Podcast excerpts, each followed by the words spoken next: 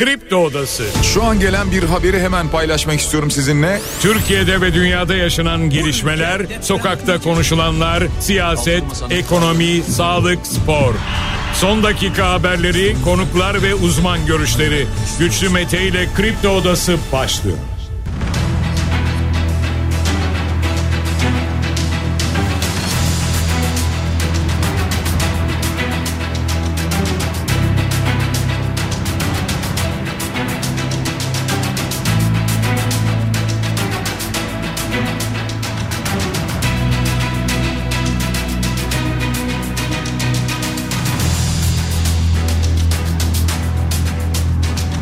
31 Ocak çarşamba sabahından Kafa Radyo'dan Kripto Odası'ndan tüm Türkiye'ye yurt dışında bizi dinleyen dinleyicilerimize günaydın. Hepinize sağlıklı ve güzel bir gün dileyerek her sabah olduğu gibi programımıza başlıyoruz.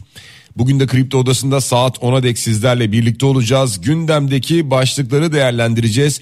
Sizler de görüşlerinizle fikirlerinizle programa katılmak isterseniz Twitter üzerinden güçlü mete yazarak bana ulaşabilirsiniz.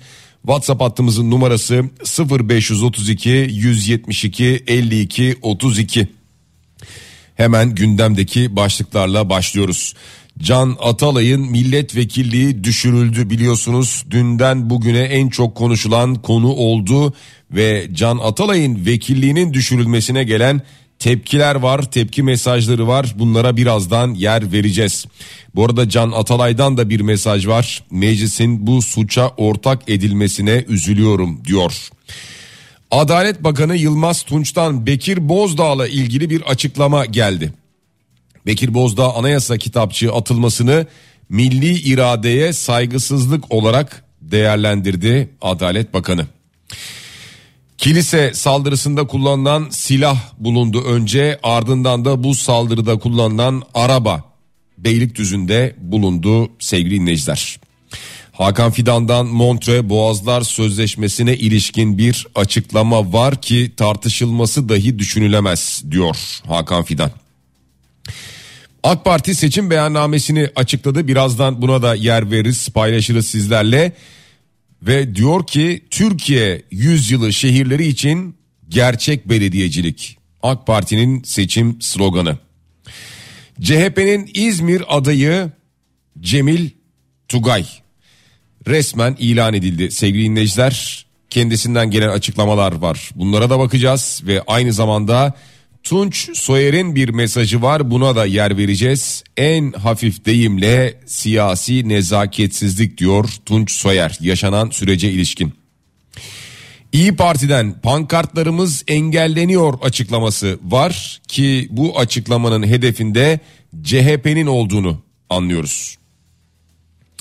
Yüksek Seçim Kurulu AK Parti'nin pusuladaki birinci sırasının değişmeyeceğini ifade etti. Yani daha doğrusu kendilerine yapılan itirazları reddetti. Seçim pusulasında biliyorsunuz AK Parti kurada birinci sırada çıkmıştı. Hatay'da yıkılan bir apartmanın müteahhidinden inanılmaz bir savunma var. Bu apartmanı hatırlayamadım diyor müteahhit. Türk İş'ten gelen bir açıklama açlık sınırı asgari ücretten 2000 lira az diyor Türk İş. Ve trafik cezalarında indirimli ödeme süresi bir aya uzatıldı. 15 günde biliyorsunuz indirimli ödeme süresi bir aya uzatıldı. Filistin'de maalesef hayatını kaybedenlerin, öldürülenlerin sayısı artıyor. 26.751'e yükseldi.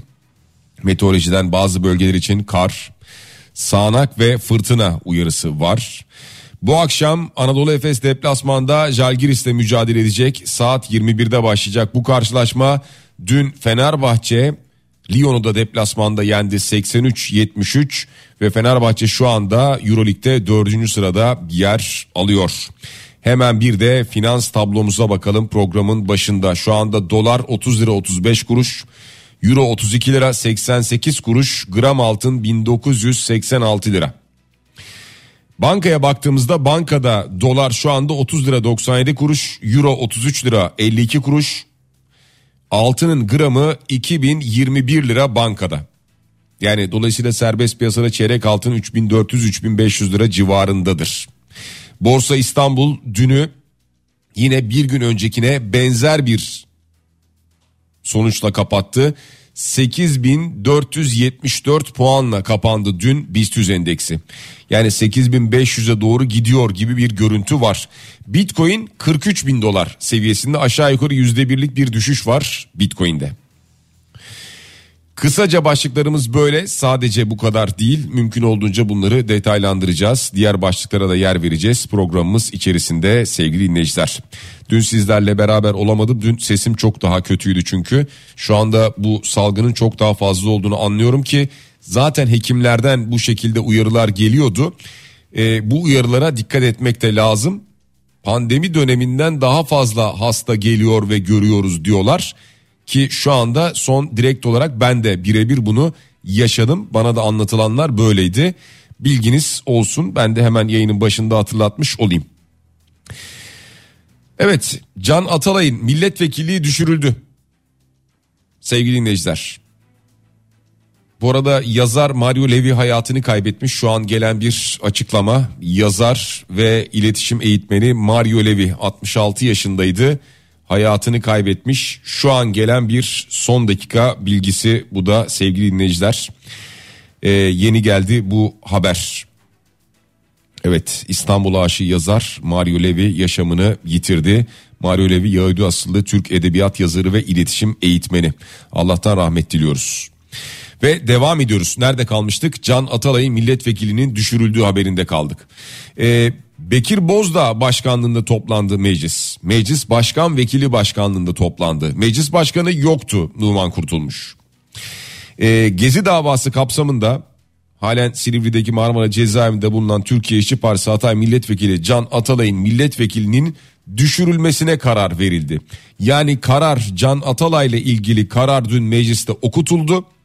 Ardından da Can Atalay'ın milletvekilliği düşürülmüştür diye Bekir Bozdağ'ın anonsu ve duyurusu vardı. Tabi tüm bunlar yaşanmadan önce öncesinde söz alan milletvekilleri oldu. E tahmin edersiniz ki e, daha çok e, Cumhur İttifakı vekilleri, grup başkanları onların yapmış olduğu açıklamalarda bunun haklı bir gerekçe olduğu ifade edilirken muhalefet milletvekilleri bunun hiçbir yanının hak hukuk tanımadığını ifade etti. Mesela tip genel başkanı Erkan Baş karar hukuk dışıdır dedi.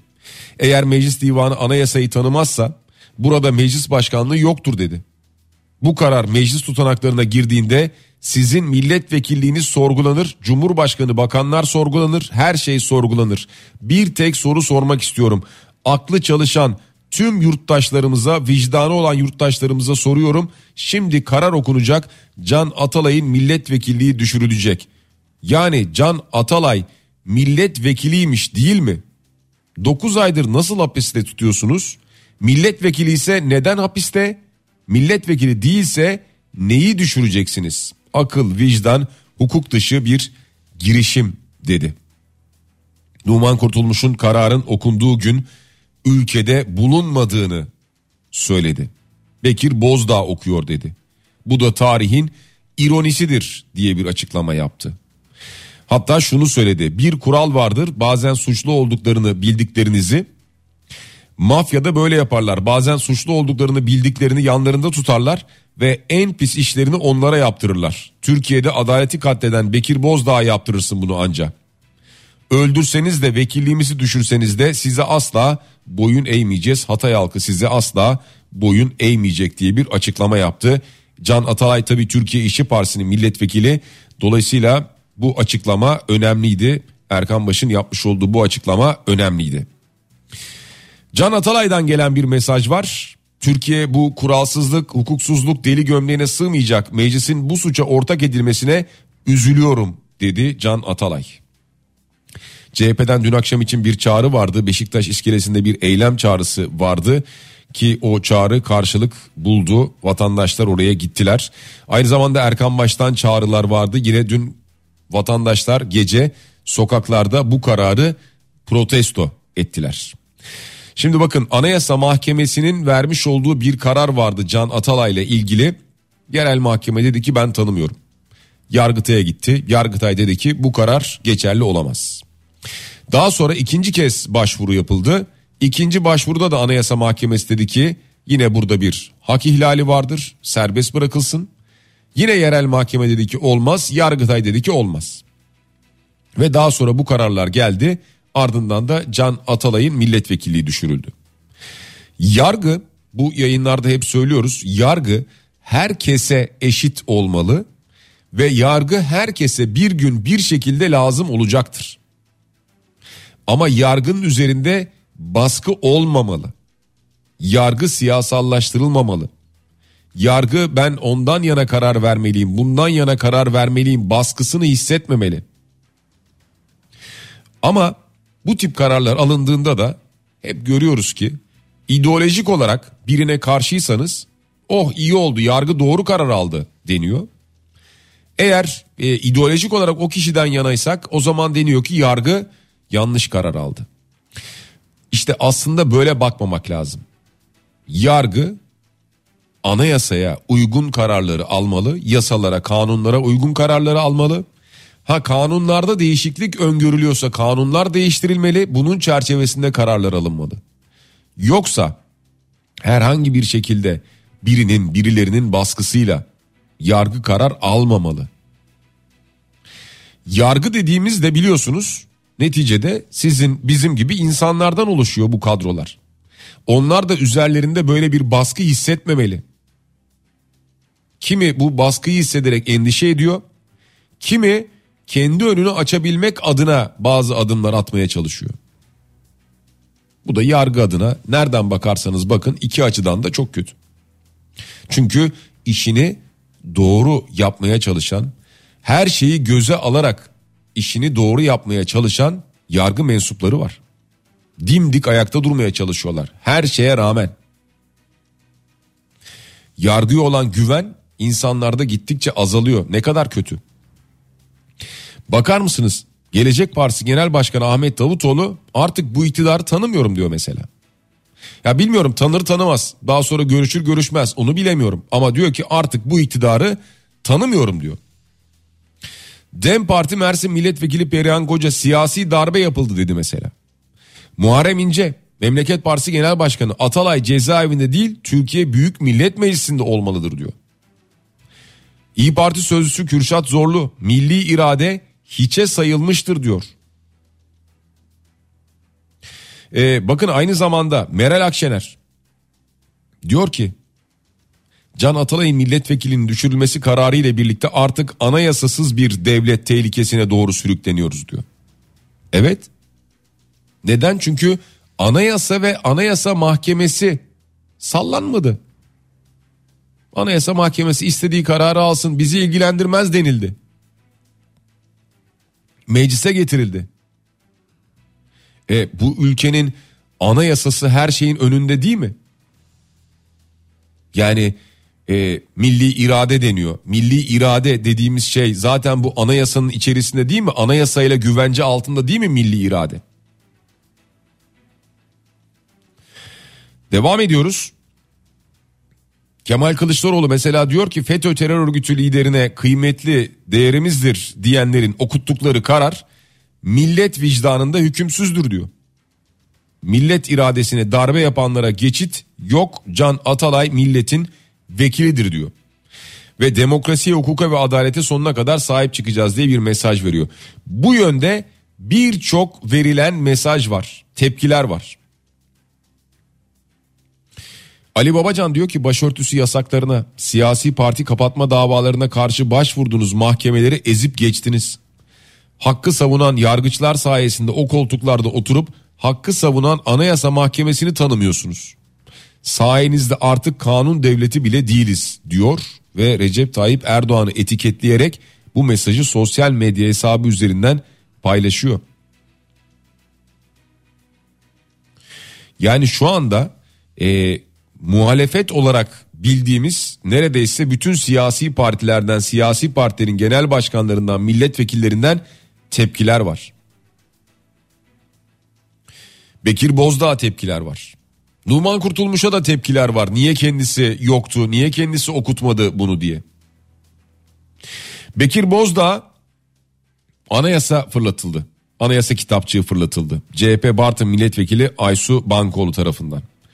Ee, onun bir ifadesi var. Yani planlı yapılmış bir şey değildi. O an için bunu düşünmüyordum. Elimde anayasa kitapçığıyla ilerlerken amacım diyor aslında kürsüye gidip onu oraya koymaktı. Fakat kürsüye ulaşamayınca o an birden fırlattım diyor. Anayasa kitapçığı fırlatıldı Bekir Bozdağ. Neden? Yani anayasayı eziyorsunuz, çiğniyorsunuz. Alın anayasayı okuyun denmek istendi. Ee, Tabi bu arada Adalet Bakanı Yılmaz Tunç'tan buna bir tepki geldi. Yılmaz Tunç da diyor ki meclisi yöneten meclis başkan vekilimiz Sayın Bekir Bozdağ çirkin hareket asla kabul edilemez diyor. Türkiye Büyük Millet Meclisi Başkanlık Kürsüsü aziz milletimizin kürsüsüdür diyor. Her ne gerekçeyle olursa olsun millet adına hareket eden Türkiye Büyük Millet Meclisi'nin çalışması engellenemez diyor. Diyorum ya işte alınan karar sizden yana bir kararsa hoşunuza giden bir kararsa bu ülkede kanun var adalet var. Hoşunuza gitmeyen bir kararsa bu ülkede işte adalette yanlış karar verebilir kanunlarda yanlış olabilir bunu savunuyorsunuz. Böyle işte anayasa mahkemesi karar verdi daha ne olsun anayasa mahkemesi kararı kabul edilmedi. Yargıtay karar aldı e, Yargıtay bir dakika yani e, bak Yargıtay karar aldı bu ülkede kanunlar var denildi. Ama Anayasa Mahkemesi yok sayıldı. Bundan sonra ileride herhangi birinin e, artık Anayasa Mahkemesi'ne işi düştüğünde bireysel bir başvuruda bulunduğunda nasıl bir karar çıkarsa çıksın o kararın uygulanacağı garantisi yok. Çünkü ne diyeceğiz ki? Ya en son artık Anayasa Mahkemesi'ne gidebilirsiniz. Anayasa Mahkemesi de bununla ilgili hak ihlali var dese bile alt mahkemesi yerel mahkeme ben bunu kabul etmiyorum diyebilir. Bunu da emsal göstererek mesela. E hani o zaman anayasa hani yasa? Evet e, acı Türkiye hukuku adına acı anayasa adına acı bir e, süreç yaşıyoruz. E, buradan sonra ne olacak? Elbette yani buradan sonra olacak şey belli. Türkiye İşçi Partisi e, Can Atalay ile ilgili e, muhakkak e, tepkilerini, görüşlerini dile getirmeye devam edecek. Muhtemelen belki bazı bir iki partide destek olacak. E, ama bir süre devam edecek bu. Birkaç eylem yapılacak. Belki Türkiye İşçi Partisi hiç unutturmamaya çalışacak ama şimdi zaten seçim falan geliyor. Bir süre sonra da muhtemelen unutulur. Yani böyle Türkiye'de neler neler unutuldu ve unutturuldu aynı zamanda. Neler yaşadık bu ülkede?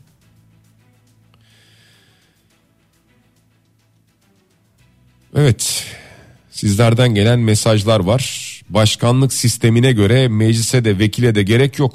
Bir başkan ve bakanlar kurulu yeter. Meclis milletin değil, başkanın meclisi. O ne derse o oluyor diyor. Böyle bir mesaj göndermiş dinleyicimiz. İzmir'den hayırlı sabahlar. Muhalefet İzmir derdine düşmüşken iktidarın Can Atalay hakkında böyle karar alması gayet normal. İki gün dillendirir sonra seçim derdine düşer. CHP İzmir adaylarıyla ayağına sıkacak gibi duruyor. Saygılar diyor Kazım Özdil göndermiş. Vekilliği düşürülen milletin vekili değil mi peki? Millete saygısızlık olmuyor mu diyor bir başka dinleyicimiz. Yani bir de Hatay'da o kadar oy çıkarmış ve milletvekili seçilmiş olan bir isim Can Atalay. Yani Can Atalay ismi de burada belki önemli değil ama milletvekili seçilmiş birisinden bahsediyoruz. Hatay'da verilen oylarla. E, Hatayların oyu ne oldu? Evet e, dinleyicimizin de söylediği gibi aslına bakarsanız birkaç gün konuşulur. Birkaç gün sonra az önce söylediğim gibi unutulur. Türkiye İşçi Partisi bir süre daha e, savunmaya muhakkak devam eder. Biz de bunun üzerine bir bardak soğuk su içeriz.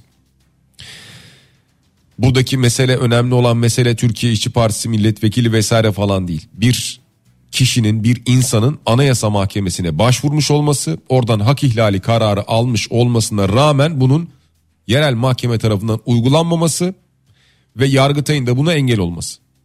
Asıl mesele burada bu. Yani sapla samanı birbirinden biraz ayırmak lazım. Sarıyer'deki kilise saldırısı. Şimdi bunun ardında arkasında kimler var neler var elbet araştırılıyor. Biliyorsunuz ilk olarak e, İçişleri Bakanı Ali Yerlikaya DAEŞ bağlantısı var demişti. Yani veya DAEŞ veya IŞİD bağlantısı var demişti. Ee, Santa Maria Kilisesi'ndeki bu saldırı sonrası şüphelerin kaçtığı araç Beylikdüzü'nde bulunmuş terk edilmiş halde. Ee, ayrıca bu saldırganların da bir restoranda garson olarak çalıştıkları öğrenilmiş. Yani son gelen bilgi bu şekilde. Ve aynı zamanda dün gelen bir haber daha vardı. Bu kilise saldırısında kullanılan bir silahın bulunduğu. Ki o silahın kuru sıkıdan bozma olduğu. E, Kemer, e, Kemerburgaz Bahçeköy yolunda bulunmuş. E, kuru sıkıdan bozma bir silah. İncelenmek üzere de emniyete götürülmüş. E, anladığım kadarıyla diğer silahı da çünkü iki silah vardı. Diğer silahı da e, arama çalışması devam ediyor. Muhtemelen bu güzergahları daha önceden çalışmışlar gibi görünüyor. Zaten ifadelerinden falan hepsi ortaya çıkacaktır diye tahmin ediyorum ama zaten belli yani buraya nasıl geldikleri, nasıl içeri girdikleri, e, kiliseden gelen bir açıklama var. Normalde o kapı kapalı olurdu, o gün açıktı açıklaması falan. Yani bunlar e, hepsi daha önceden planlanmış, kurgulanmış. Ama asıl amaç neydi?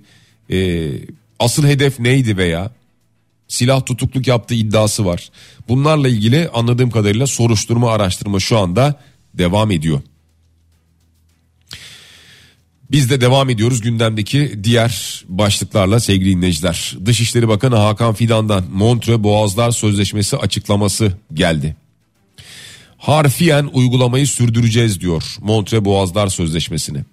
Bu konunun tartışılmasını bırakın akıldan geçirilmesi bile söz konusu olamaz diyor Montre ile ilgili. Montre e, Boğazlar Sözleşmesi ile ilgili Montre Anlaşması ile ilgili hatırlar mısınız bir ara tartışmaya açılmıştı Montre Anlaşması. E, siyasiler tarafından. O sırada buna ilişkin askerlerden komutanlardan Montreux ile ilgili bir bildiri gelmişti. Yani Montreux'e uyulmalıdır. Montreux'den asla vazgeçilmemelidir şeklinde o komutanlarla ilgili soruşturmalar başlatılmıştı. Hatırlıyor musunuz? Neler yaşadık? Ee, sonra anlaşıldı ki Rusya-Ukrayna savaşı çıkınca ya iyi ki Montreux varmış. İyi ki bu sözleşme varmış. Yoksa yoksa Amerika diyecekti ki ben buradan içeri gemi sokacağım. Veya işte İngiltere diyecekti ki ben boğazlardan geçeceğim. Yani e, Rusya-Ukrayna kıyılarına gideceğim. Rusya diyecekti ki bir dakika sen onları buradan buraya sokamazsın. Ee, biz diyecektik ki ne yapalım Amerika istedi veya Amerika'ya diyecektik ki hayır seni ben buradan sokmuyorum. Amerika diyecekti ki nasıl sen bunu yapmazsın biz seninle müttefikiz. NATO var vesaire falan. Ama şimdi elimizde kapı gibi Montreux Sözleşmesi olduğu için bütün bunların karşısında daha net ve daha dik bir şekilde durabiliyoruz. Bunu fark ettik sonunda. Sonunda fark ettik. AK Parti seçim beyannamesi açıklandı. Türkiye yüzyılı şehirleri için gerçek belediyecilik. Yani bu biraz belki uzun ama e, akılda kalıcı olmayabilir ama en azından beyannamenin başlığı böyle. Türkiye yüzyılı şehirleri için gerçek belediyecilik. 8 ana başlık var. Bunun içerisinde AK Parti yerel yönetim vizyonu, katılımcılık, şeffaflık ve hesap verebilirlik, afetlere dayanıklı dirençli şehirler, Türkiye yüzyılında şehir ve çevre, toplumsal refah öncelikli şehir ekonomileri, huzurlu ve toplumsal yapı için duyarlı sosyal belediyecilik, kültür üreten şehirler, hizmet ve eser belediyeciliği. Bunlar var. Genel itibariyle Erdoğan da diyor ki üretken, adil, erişebilir, vizyoner, şeffaf, şefkatli, sürdürülebilir, yenilikçi, kalkınmacı, çağdaş, güçlü, kapsayıcı, dinamik, vatansever belediyecilik olacak diyor seçim beyannamesini bu şekilde bu sözlerle özetliyor. Çok konuşulan konu CHP'nin İzmir Belediye Başkan adayı konusu. Yani birkaç gündür veya bir haftadır zaten Cemil Tugay ismi dillendiriliyordu. Ama olacak mı olmayacak mı? Cemil Tugay ilan ediliyor edilmek üzere. E, Tunç Soyer'den vazgeçiliyor geçilmek üzere. Sürekli bu haberler geldi. İşte parti meclisinde konuşuldu kesinlikle bu iş bitti. Sonunda nitekim e, Özgür Özel de açıkladı. E, Cemil Tugay'ı İzmir Büyükşehir Belediyesi ve 30 arkadaşımızın takım kaptanı olarak görevlendirildik. Hayırlı uğurlu olsun kendisine kolay gelsin dedi. Değişim diyordunuz ne olacak diyenlere dün ilan edilen İzmir listesine bakın diyorum değişim orada dedi. Tabi İzmirli İzmir listesinden memnun mu acaba? Yani İzmir'de e, CHP'nin kaybedeceğini sanmıyorum. Yani kaybetmez. Yani kimi aday gösterirse göstersin CHP kaybetmez. Yani Tunç Soyer de görevde kalsaydı zaten kaybetmezdi. Ee, ama yeni adayla beraber bir önceki seçimlere göre oyunu arttırır mı arttırmaz mı onu da seçim sonucu gösterecek bize. Şimdi e, öncelikle şunu söyleyeyim. E, Tunç Soyer'den gelen uzunca bir açıklama var. Tabii uzun uzun ben buna değinmeyeceğim ama diyor ki 35 yıl boyunca Cumhuriyet Halk Partisi'nin neferi olmaktan gurur duyduğum Büyükşehir Belediye Başkanlığımın ilk döneminin sonunda yeni bir dönem için aday gösterilmeyeceğimin MYK toplantısından 5 dakika önce tarafıma tebliğ edilmiş olmasını en hafif deyimle siyasi nezaketsizlik olarak değerlendiriyorum diyor. Ancak bu nezaketsizlikten daha vahiminin Cumhuriyet Halk Partisi'nin aday belirleme süreçlerindeki eksikleri ve hataları olduğunu düşünüyorum diyor. Ve devam ediyor daha sonra. Yani şunu söylüyor ben yine e, her şekilde İzmir'e, halkıma, e, CHP'ye hizmet vermeye devam ederim diyor. Yani ille e, böyle bir bana kapı kapatıldı diye ben bundan vazgeçmem mücadelemden diyor. Hizmet etmekten onur duyduğum hiçbir İzmirlinin yılgınlığa kapılmasına, üzülmesine gerek yoktur diye bir açıklama yapıyor Tunç Soyer. Şimdi kesin aday Cemil Tugay. E, Cemil Tugay ile ilgili iddialar vardı. Cengiz İnşaat'a arsa sattığı iddiaları. E, Eren Erdem'in iddiaları vardı sosyal medya üzerinde. E, hatta dedi ki e, itiraz etmesin bende belgeleri var e, gerekirse ispat ederim demişti. Şimdi arsayı Cengiz İnşaat yerine başkasına satmayı istediğini söylüyor Cemil Tugay. Ancak yasal engelin buna izin vermediğini vurgulamış. Konuyla ilgili de Tunç Soyer ve Kemal Kılıçdaroğlu'yla da görüştüğünü söylüyor aynı zamanda. Sözcü TV'de gazeteci İsmail Saymaz bunları anlatıyor. E, hatta şöyle söyleyelim. Yani Cemil Tugay e, diyor ki bu arazi sınırları içinde belediyenin iki dönümlük bir parseli kalmış. Ben de iş başına geldiğimde belediyenin kaynağı ihtiyacı vardı. Borçları kapatmak durumundaydım ve esasen de acemi olduğum bir dönemdi. O dönem çalışanlar böyle bir arazi olduğunu bana söylediler. Bunu satarsak gelir elde edebiliriz dediler. Bu süreçte Mehmet Cengiz'e değil de bir başkasına satmayı planladım ancak o süreçte bir yasal engel vardı. Bu arsa davalarında eğer bir yeri satacaksanız o arsada daha çok hissesi olanın önceliği var. Dolayısıyla itiraz etmesi durumunda satış gerçekleşmiyor diyor. Ama netice itibariyle ben mahkeme yoluyla alacağımdan daha fazlasını aldım diyor. Ee, Kemal Bey'le de görüştüm diyor. Kemal Bey tamam senin bir kusurun yok ama Cengizlerle bir selamın olması olmasın dedi diyor. Ben de tamam dedim diyor. Şimdi Cemil Tugay e, böyle bir e, iddia ile gündeme gelmişti. Kendi ifadesi bu şekilde. Özgür Özel de İzmir adayları için 15 gün boyunca çalıştığını söylüyor aynı zamanda. Bakalım e, İzmirli'nin mesajı ne olacak? E, aynı şekilde mi oy oranı olacak? E, veya arttıracak mı veya düşecek mi? Onu da zaten 31 Mart gecesi anlarız. İyi Parti'den pankartlarımız engelleniyor mesajı var sevgili dinleyiciler. Meral Akşener Ankara, İstanbul ve İzmir'de partisinin pankartlarının asılmasının engellendiğini söyledi. Saray sansürüne de belediye sansürüne de mecbur değilsin diye bir açıklama yaptı. Yani burada tabii e, saray sansürü deyince iktidardan bahsediyor. Ama belediye sansürü dediği Ankara, İstanbul ve İzmir'de dolayısıyla CHP'ye böyle bir mesaj göndermiş oluyor. İyi Parti ile CHP arasında böyle bir şimdi pankart açıklaması var. Yeniden Refah Partisi ittifakla ilgili kararını vermiş görünüyor ki şöyle karar vermiş derken e, en azından Yeniden Refah Partisi Genel Başkan Yardımcısı Suat Kılıç heyetler arasındaki ittifak görüşmelerinin tamamlandığını söylüyor. Yani bir görüşme daha yapılmayacak diyor. Ama kendi kurullarımız içerisinde biz bunları değerlendireceğiz diyor. Yani ittifak olacak olmayacak kısmı ile ilgili kendi kurullarımız içerisinde bir değerlendirme yapacağız diyor. E, bu böyle sanki ittifak olmayacak gibi yansıtıldı basında ama yani ittifak görüşmesi olmayacak bir daha. Buradan sonra karar alınacak mesajı geldi. Seçime giderken biliyorsunuz partilerin sırası belirlendi. Kura sonucu. Kura sırasıyla kuradaki sırasıyla ee, işte partilerin oy pusulasındaki yerleri belirlendi. Ve bu kura çekiminde AK Parti birinci çıktı. CHP de buna ilişkin itirazda bulundu. YSK'da Yüksek Seçim Kurulu da CHP'nin itirazını reddetti. Böylece AK Parti oy pusulasında birinci sırada yer alacak sevgili dinleyiciler. MHP mesela 31. sırada şöyle bir bakıyorum. Ee, CHP 18. sırada yer alacak. Ee, Dem Parti 9. sırada yer alıyor. Evet yani birçok parti var biliyorsunuz şimdi hepsini tek tek sayamayacağım ama e, dediğim gibi AK Parti de burada birinci sırada yer alıyor. Dolayısıyla bunda bir değişiklik yok. Dem Parti seçim sloganını açıklamış.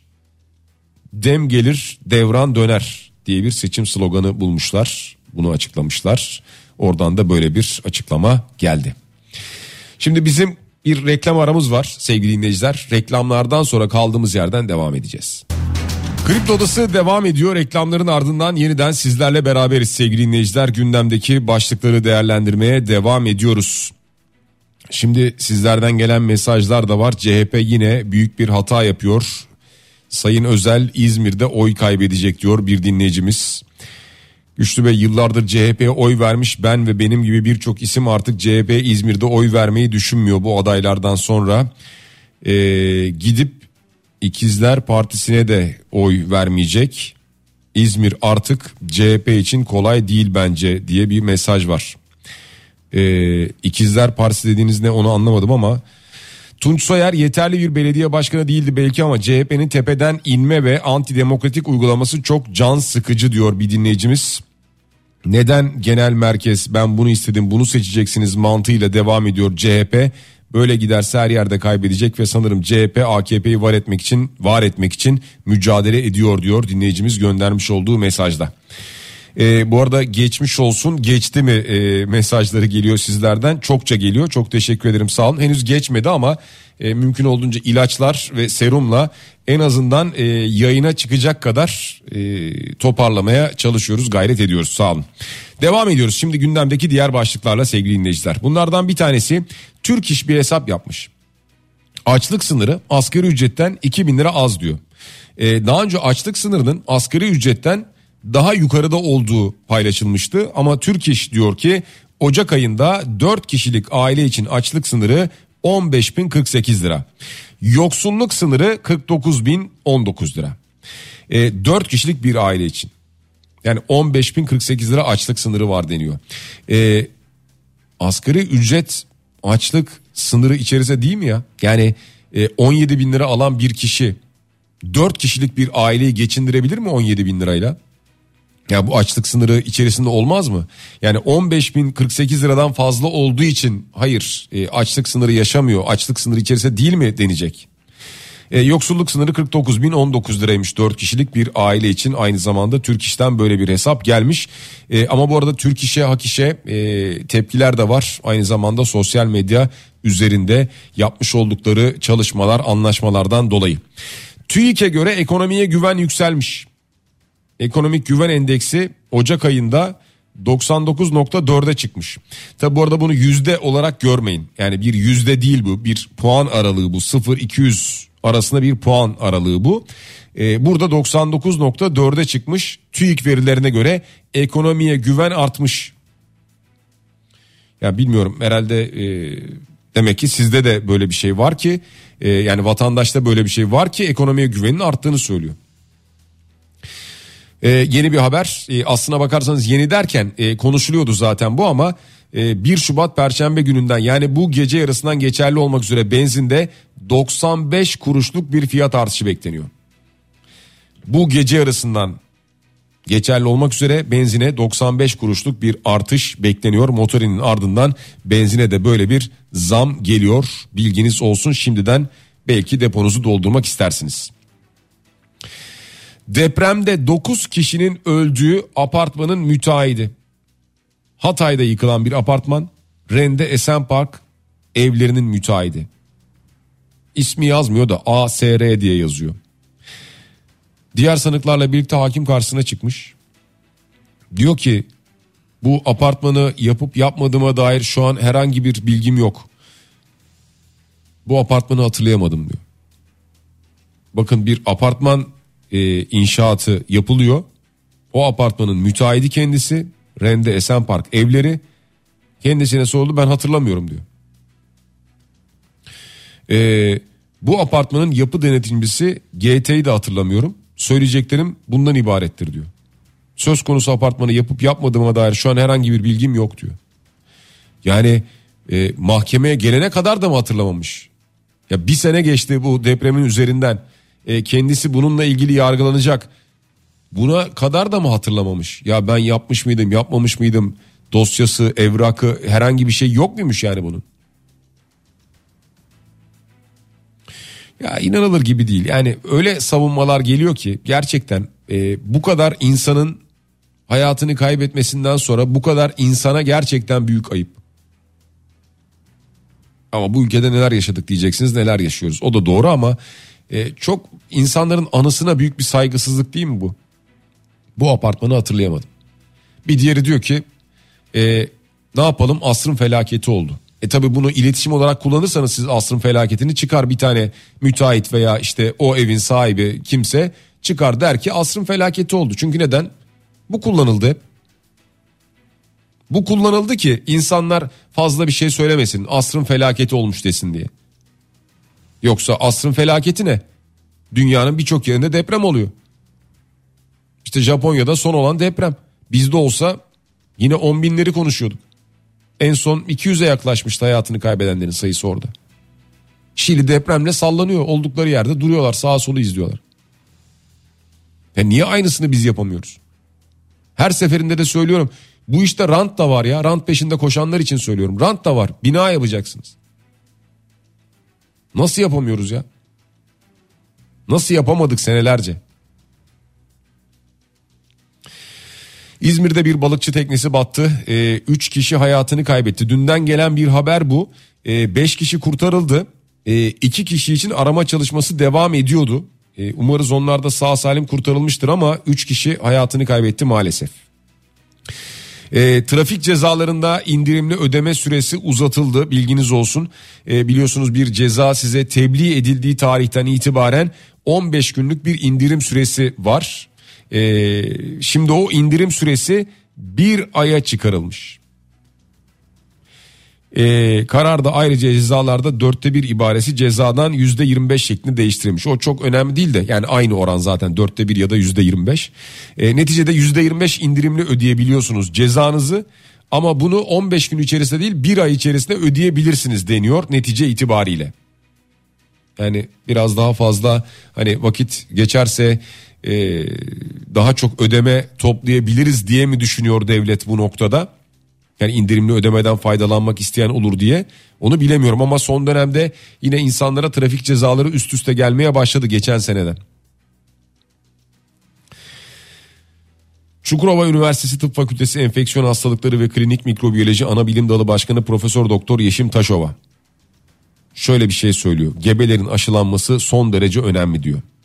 Ee, yoğunlukta olan influenza, adenovirüs, RSV virüslerinin hem çocukları hem erişkinleri ardı sıra etkilediğini söylüyor.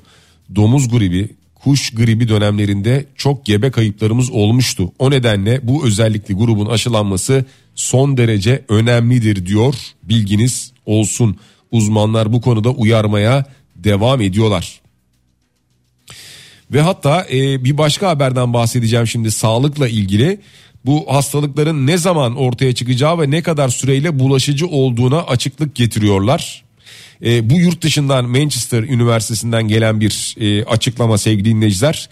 Kızamıkla ilgili kuluçka döneminin 7 ila 18 gün olduğu, bulaşıcılık süresinin de kırmızı lekeler başlamadan 4 gün öncesinden lekelerin ortaya çıkmasından 4 gün sonrasına kadar virüsü saçabileceği.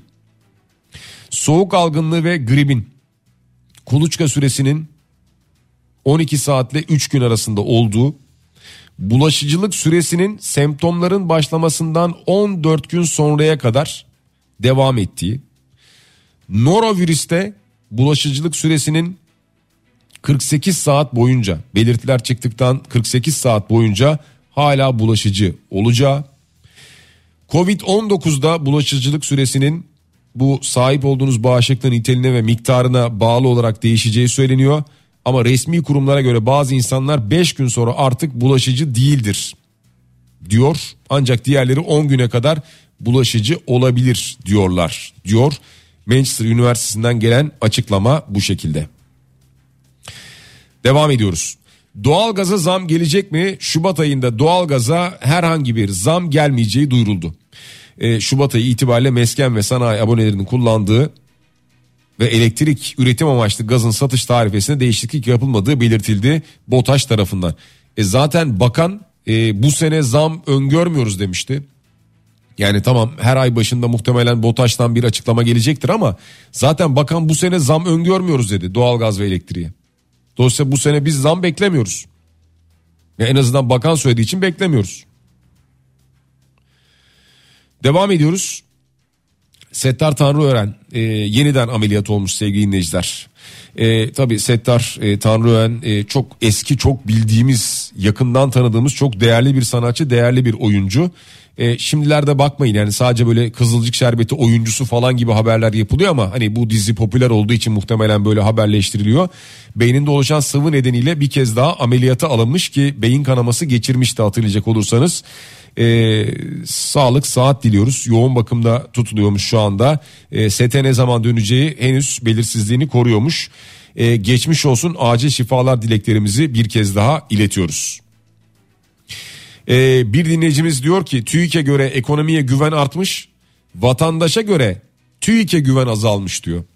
Ee, yani böyle bir cevabı var kendisinin e, biraz önce okumuş olduğumuz anlatmış olduğumuz habere ilişkin. Meteorolojiden kar, sağanak ve fırtına uyarısı var demiştik. Trakya ve Marmara'nın güneyiyle Doğu Anadolu'nun güneydoğusunda kar yağışı. İstanbul çevresi, Samsun, Akdeniz'in kıyı kesimleri, Güneydoğu Anadolu'da sağanak yağmur bekliyor meteoroloji. Hava sıcaklıkları mevsim normallerinin 1 ila 3 derece altında seyredecek diyor. Yağışlar Mersin'de kuvvetli, Marmara, Kıyı Ege ve Doğu Akdeniz'de kuvvetli fırtına bekleniyor diyor. Hatırlatalım. Ve Euroleague'de bu akşam Jalgiris Anadolu Efes maçı var ki bu karşılaşma saat 21'de başlayacak sevgili dinleyiciler. Cenkere Teknik Masar'a teşekkür ediyoruz. Biraz sonra Bediye Ceylan Güzelce Güzel Şeyler programında sizlerle birlikte olacak. Veda ederken sizlere özgürlük diyerek veda ediyoruz. Bugün programımızda yarın sabah yeniden buluşana dek hepinize sağlıklı ve güzel bir gün diliyorum. Şimdilik hoşçakalın.